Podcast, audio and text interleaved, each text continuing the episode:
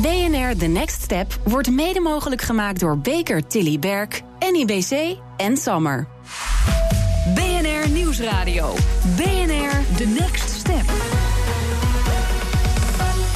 Maarten Bouwhuis. Hoe houd ik grip op groei en is daar toezicht voor nodig? Dat is de grote uitdaging van het BNR-personage Bart Mulder van autodeelplatform ClickWheels. Hij schuift aan bij zijn bijzondere businesscoach Dr. Vishnu van Zanten. Dokter Van Zanten, Zeg maar gewoon, Vishnu. ik heb een dilemma. ClickWheels is flink gegroeid. Wordt het niet eens tijd voor echt toezicht? Een RVC of zo?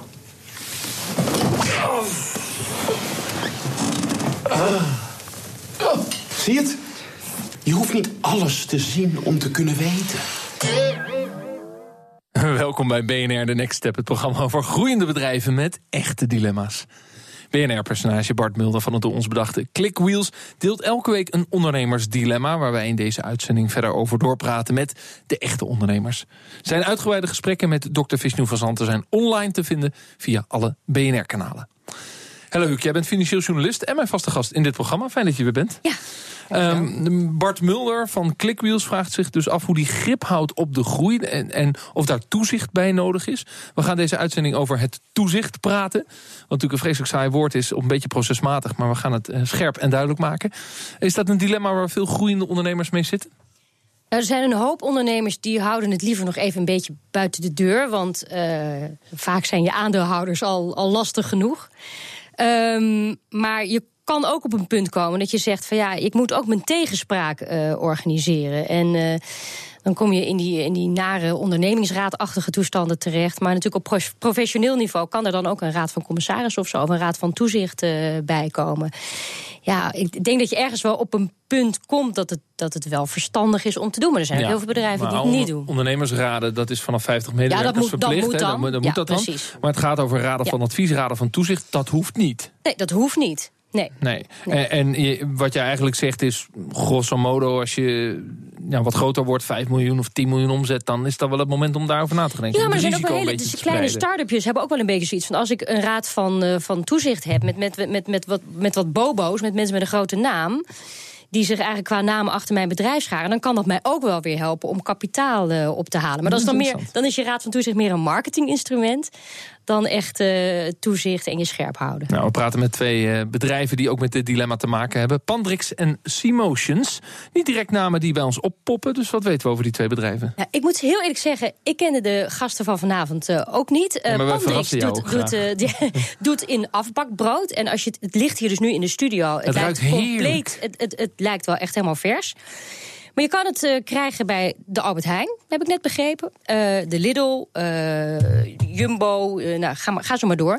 En het is, het is een leuk bedrijf. Ze zijn begon, dus het is een Nederlands bedrijf in Meppel. Daar zitten zo om en nabij eh, nou, 60, 60 man, hebben jullie? Ja, 60 man. 60 man. Ja. van den Berg, maar nu hebben ze een bedrijf over. Ja, precies. Nu hebben ze een bedrijf, een vak- fabriek overgenomen in Duitsland. En dan wordt het ineens andere koek. Vorig jaar deden ze 25 miljoen en nu zitten ze op de 60 miljoen omzet. Oké, dus die groeien lekker door. Eh, ze, ma- ze bakken brood en dat staat er in de studio. En Seamotions? Ja, Seamotions, eh, ja, ik vroeg net eh, aan, eh, aan de CEO... Goh, heb jij dan big data meegenomen naar de studio? Want wat zij doen is continu, continu monitoren van, van gegevens. En wat misschien wel een bekend voorbeeld is... is bijvoorbeeld telecomproviders zoals KPN, die, die, die kunnen dan klant zijn. Dan kunnen zij kijken, oh, die personen bellen wel heel weinig... of maar naar een paar nummers. Die zou misschien wel eens kunnen overstappen naar een ander abonnementje... of misschien wel helemaal weg kunnen gaan. En zo kun je dat eigenlijk voor zijn. Dus zij monitoren al die data en dan kun je als bedrijf daarop acteren. Dus je marketing verbeteren voor loyalty doel- doeleinden. Nou, laten we doorpraten met de hoofdrolspelers. Koos Keizer, bestuursvoorzitter en medeoprichter van Seamotions dus. En Peter van den Berg, u hoorde hem al even, bestuursvoorzitter van eh, Pandrix. Ja, Koos, jullie bestaan 15 jaar. De groei is gestaag. Het gaat nu steeds harder. Hoe ervaar je dat als ondernemer, die groei? Nou, precies zoals je zegt, eh, gestage groei. eh, bewuste keuze overigens. Eh, we wilden niet te snel groeien, maar je moet wel doorgroeien. En we bestaan 15 jaar. We hebben de crisisjaren ook meegemaakt. We hebben een beetje een afvlakking van onze groei gezien. Uh, maar nu uh, zien we wel weer dat het weer een stukje uh, harder gaat, crescendo. Peter van den Berg, Pandrix draaide vorig jaar nog een omzet van 25 miljoen. En nu dus die Duitse overname ga je naar de 60 miljoen. Ja, dat is een dat enorme klopt. groei. Enorme groei. Verdubbeling, meer dan verdubbeling. Ja, dat klopt. Je bent sinds 1 februari aandeelhouder van het bedrijf en bestuursvoorzitter. Nou, bij bestuursvoorzitter klinkt heel duur. Wij noemen dat CEO. Dat is ook al een vrij dure, term, ook een duur woord. ja. een dure term binnen ons bedrijf. Maar, uh, Zit er nee, nog meer groeikans in? Ja, enorm denk ik. Wij, uh, als ik even terug ga, het bedrijf is ongeveer vijf en een half jaar geleden opgericht. En door, een, door Albert Hendricks, die heeft zijn hele leven in de broodwereld gewerkt. Die man was 62 jaar toen hij een hele nieuwe bakkerij ging beginnen. En alles wat hij geleerd had, dacht hij van... ik ga het ultieme brood ga ik op de markt brengen. En dat is alles op deze basis met een heel lang proces... met 26 uur wat we nodig hebben... om deze lekkere broden die hier liggen te, en, te en kunnen die liefde zit nog altijd in de broden. Die liefde uh, zit enorm in de broden. En, en, nu is brood natuurlijk populair en allerlei verschillende typen brood. Uh, jij bent 1 februari ingestapt. Klopt. Uh, van de twee oprichters was er al één eerder aandeelhouder. Die waren uitgekocht. Een nieuwe aandeelhouder, waaronder jij zelf, zijn aangesteld. Oftewel enorme herstructurering. Ja. Uh, was dat nodig voor die groei? Nou, uh, uh, ja, zeg maar. Zeg, het bedrijf in Fulda is overgenomen. In Fulda is de Duitse activiteit waar we zitten. Een biologisch bedrijf wat we daar hebben. Alleen maar biologische producten. Dat werd vorig jaar in november overgenomen. En dat is een beste overname. En we zijn daarin uh, door, uh, door een van de sponsors van dit programma... zijn we daarin geholpen met de hele financiering daarvan. En er wordt gelijk gekeken van hoe ga je dat bedrijf dan structureren. Want dat betekent nogal wat. Een bedrijf in Meppel met 25 miljoen euro... met een bedrijf in Duitsland wat je eraan toe wil gaan voegen. Van hoe ga je dat structureren? Dus de vorige ondernemer heeft eigenlijk die overname gedaan... en daarna is er een totaal nieuwe directie gekomen? Uh, ik ben zeg maar in het overnameproces uh, destijds van de aankoop... Was van jij de... onderdeel van de deal? Uh, ik, ik, ja, ik denk dat ik dat zelf niet zo mag zeggen. Maar ik denk dat de mensen die, des, ik denk dat de mensen die destijds zeg maar, de hele constructie uh, uh, op, op poot hebben gezet. Ook gedacht hebben van als we dit doen, dan willen we ook zorgen dat er een in hun ogen een goede ja, CEO. En waarom jij dan? Ja, dat is een goede vraag. Die, die vraag kan ik beter maar er zijn aan dus de anderen laten beantwoorden. Er zijn dus ook twee oprichters uitgekocht. Er is zeg maar, er waren twee aandeelhouders. Eén aandeelhouder die heeft zijn aandelen verkocht aan een nieuwe aandeelhouder. En daarnaast zijn er twee andere aandeelhouders bijgekomen, waarvan ik zelf er één ben.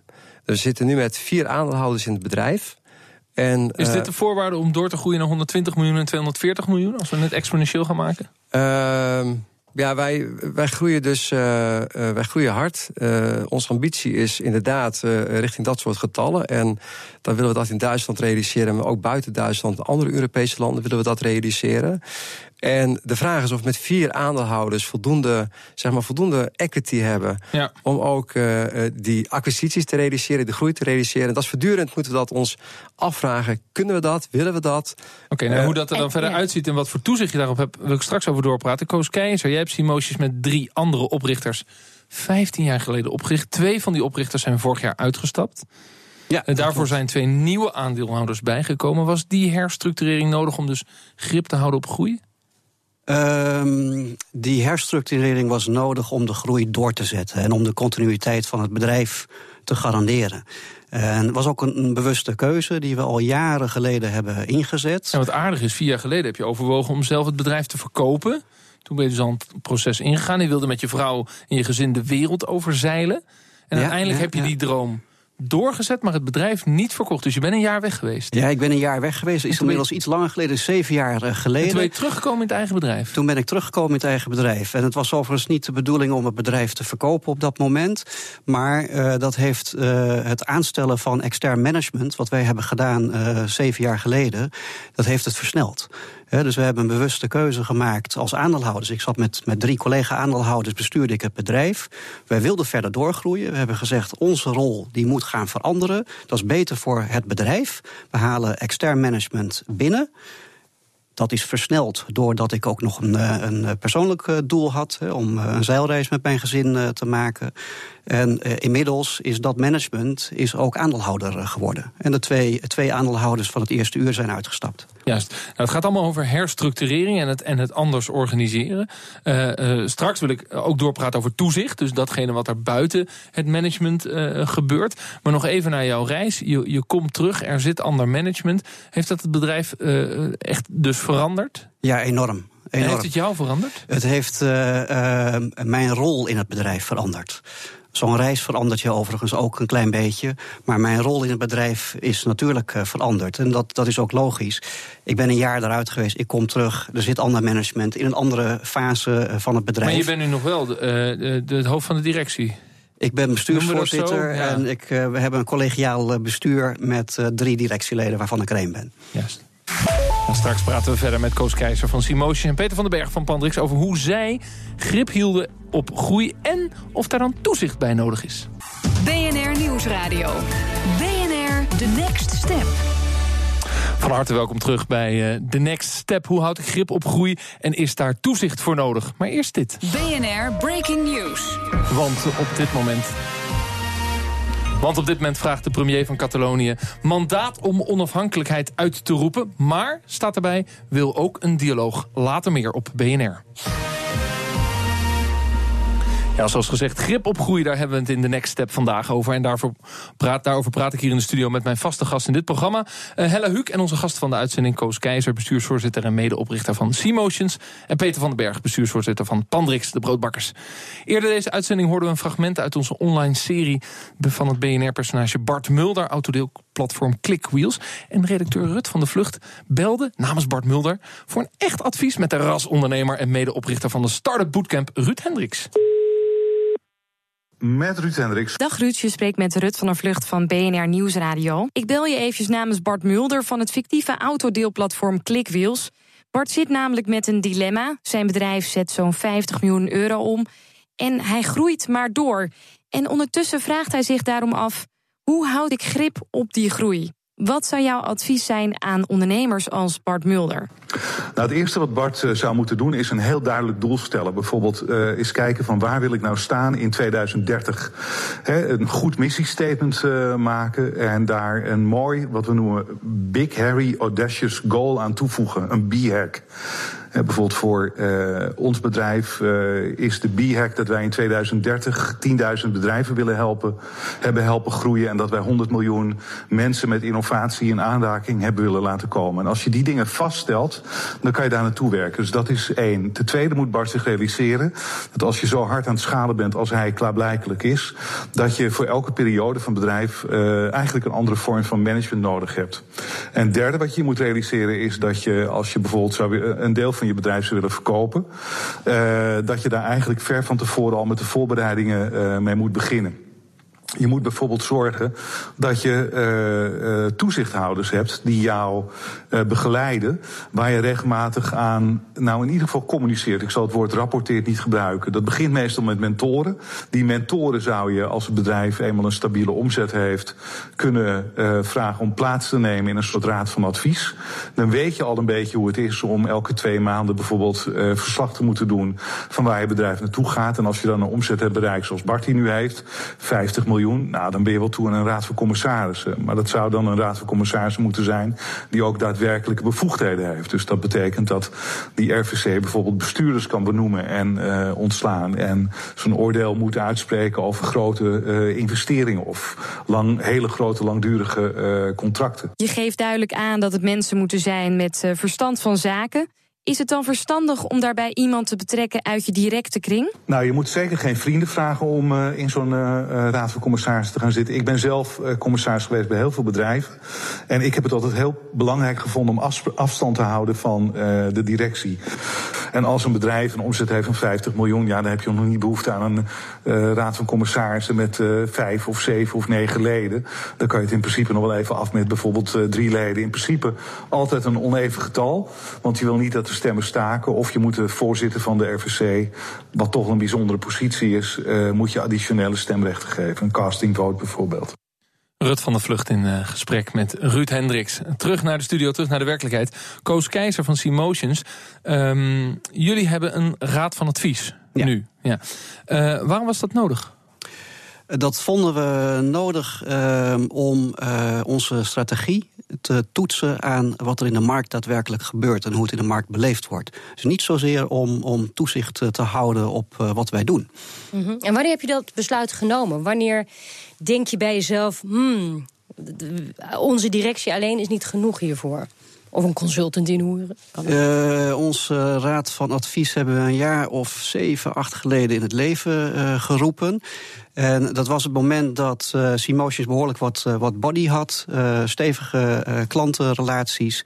En we echt moesten nadenken over de toekomst. Over de komende vijf jaar. Van hoe zouden wij ons gaan ontwikkelen als, als bureau. Maar je gebruikt ze dus als marktspiegel. marktkennisplatform. Ja. Terwijl dan denk ik, hetzelfde als Hella zegt. Ja, dat kun je ook wel in de markt kopen.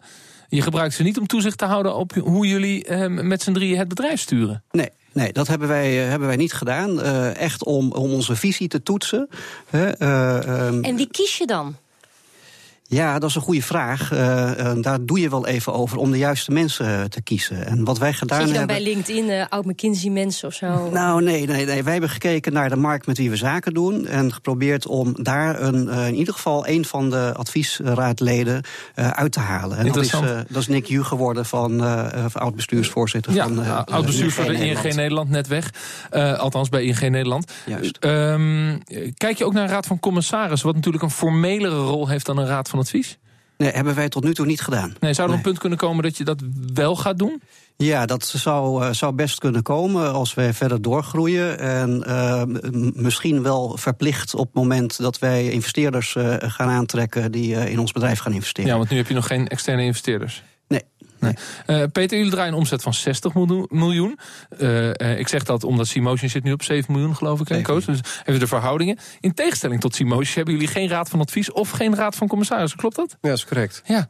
ja. Is er niemand die dus ook een beetje namens de klanten of namens andere stakeholders toezicht houdt op hoe jullie de broodbakkerij runnen? Nou, on onze missie is zeg maar dat wij mensen, dat wij de consumenten weer van de brood willen laten genieten. Daar gaan we voor. Is dat de, big uh, Harry ambitious goal? Dat is onze, onze, onze absolute doelstelling. Skip even de marketing praten. Even antwoord op de vraag. Ja, nee, de vraag, dat, dat ga ik doen. Ik ben het helemaal met Hella eens. Ja, dat ga ik ook doen. Uh, wij hebben zeg maar in de aandeelhoudersstructuur hebben wij we hebben vier aandeelhouders, wat we net al besproken hebben. En in die aandeelhoudersstructuur zit uh, expertise. Dat gaat om broodtechnologie, is een van de aandeelhouders die daar heel veel verstand van heeft. Is ook de oprichter. We hebben iemand die veel verstand heeft van de retailmarkt. We hebben iemand die veel verstand heeft van finance structuring en van tax en legal zaken. en ik zelf vanuit de markt, zeg maar. Wij, wij, zover als het nu gaat, zijn we z'n vieren heel goed in staat, naar ons gevoel, om de juiste keuzes te maken. Maar dan maak ik even de vergelijking met Koos, die ook een raad van advies gebruikt voor marktkennis. En jij maakt eigenlijk de vergelijking, wij zitten met z'n vieren met onze gezamenlijke kennis en expertise. Ja. En, en, en dat is zo breed en divers dat we het bedrijf kunnen uh, draaien, mag ik het zo vertalen? Ja, het, goed, goed, kunnen besturen. Ja, daar, daar een aanvulling erop. Uh, wat Koos ik aangeeft, wij hebben wel een aantal ambassadeurs, zeg maar. Die, dat is dan niet een formele raad van advies of niet een raad van commissarissen, maar wel een aantal ambassadeurs die voor ons ook af en toe wat voelsprieten zijn in de markt. En met wie ik ook af en toe contact heb van. Uh, uh, dat zij een rol voor ons betekenen bij, bij grote klanten, maar ook dat zij mij Maar dan blijft de vraag waarom je niet uh, voor je eigen veiligheid, zeker nu je ook internationaal groeit, niet een raad van commissarissen zult aanstellen waarin in ieder geval twee keer per jaar een, een, een, een stevige avond met vaak ook een diner, maar in ieder geval nadat zij de cijfers in zijn gedoken om jullie, ja. om jullie scherp te houden. Als ik in Duitsland met jullie zaken zou gaan doen... wat jullie heel veel groei gaat opleveren als retailer... Ja. dan zou ik willen dat er iemand zit die daar onafhankelijk... relatief onafhankelijk toezicht houdt op dat bedrijf. Dat kan toch een, uiteindelijk een eis zijn van nieuwe klanten? Nou, dat heb ik nog nooit ervaren, dat dat een eis is van klanten, uh, moet ik zeggen. Uh, wij hebben in Duitsland een aparte procesleiding, uh, Leitung, hè, zoals dat zo mooi heet, die veel verstand heeft ook van die Duitse retailmarkt, waar wij op dit moment uh, het gevoel hebben, daar komen we goed mee uit de voeten. Mhm. Uh -huh. Het is wel zo dat, dat als wij harder gaan groeien in Duitsland of in andere Europese landen, dat ik me kan voorstellen dat wij daar expertise uit die markt op, op een hoog niveau gaan inzetten, ook een soort raad van advies op dit moment willen wij graag heel slagvaardig zijn, we willen korte lijnen hebben. En we willen he, heel, heel uh, dicht op die markt zitten. Mm. En dat functioneert tot dusver uh, in onze optiek goed. Maar je zou blinde vlekken kunnen hebben. Ja, dat zou kunnen. Dat is een beetje wat ik bedoel, Hella, met veel meer woorden. Dankjewel. Uh, um, zo eventjes terug naar de hoofdvraag van de uitzending, namelijk uh, hoe houd ik grip op groei en is daar dan toezicht voor nodig? Uh, maar eerst, we blijven BNR Nieuwsradio. Een korte update uit Catalonië. De Catalaanse premier heeft daar in zijn toespraak in het parlement in Barcelona de onafhankelijkheid niet uitgeroepen, maar om een mandaat gevraagd om dat te doen. Hij beklemtoonde dat de conflicten met Spanje met onderhandelingen opgelost moeten worden. Nou, straks uiteraard in ons bulletin veel meer. Uh, Koos, jullie kozen dus wel voor een raad van advies. Ik geloof dat Maurice de Hond daar ook in zit. Klopt dat? klopt. Ja, precies. Uh, wat zou jouw advies zijn aan andere ondernemers als ze nadenken over toezicht op hun bedrijf? Ja, ik, ik zou het veel liever willen hebben op grip uh, uh, op je bedrijf en, en, en over uh, continuïteit. En in mijn beleving creëer je continuïteit door een bedrijf, zeker in de fase waarin wij een aantal jaren geleden zaten, onafhankelijk te maken van de oprichters. dus nieuwe mensen binnentrekken, die, of, of je medewerkers die je al, al hebt, ehm, de, het mandaat geven en steeds meer ruimte geven om het bedrijf mede te gaan dus, leiden. Dus, dus het, het, het verkleinen van de, onafhankelijk, van de afhankelijkheid van de oprichters geeft grip op groei en geeft veiligheid voor de toekomst. Dat geeft uh, continuïteit, ja. Maar ja, bij, bij jullie, Peter, is het natuurlijk, heb je natuurlijk eigenlijk al een andere samenstelling. Dus jullie Ja. zeggen van ja, wij staan eigenlijk al los van die eerste fase. Ja. En wij brengen al die competenties eh, mee om. om Omdat de om het- directie op zich wordt gevormd door nog maar één oprichter en drie nieuwe mensen. En drie nieuwe mensen, ja. Dat is dus correct. Is dat de analyse van omdat, omdat die veiligheid zit eigenlijk in de directie, wat Hella zegt? Nou, we hebben, we hebben daar aandeelhoudersovereenkomst en een directiestatuut, directiestatuut eh, opgesteld. En hoe we dat met elkaar geregeld hebben. Ook hoeveel stemmen bij bepaalde besluiten. Eh, hoeveel procent van de stemmen dan eh, doorslaggevend zijn. En ook eh, dat we in het bedrijf bestuur hebben waar ik bij de voorzitter van het bestuur ben.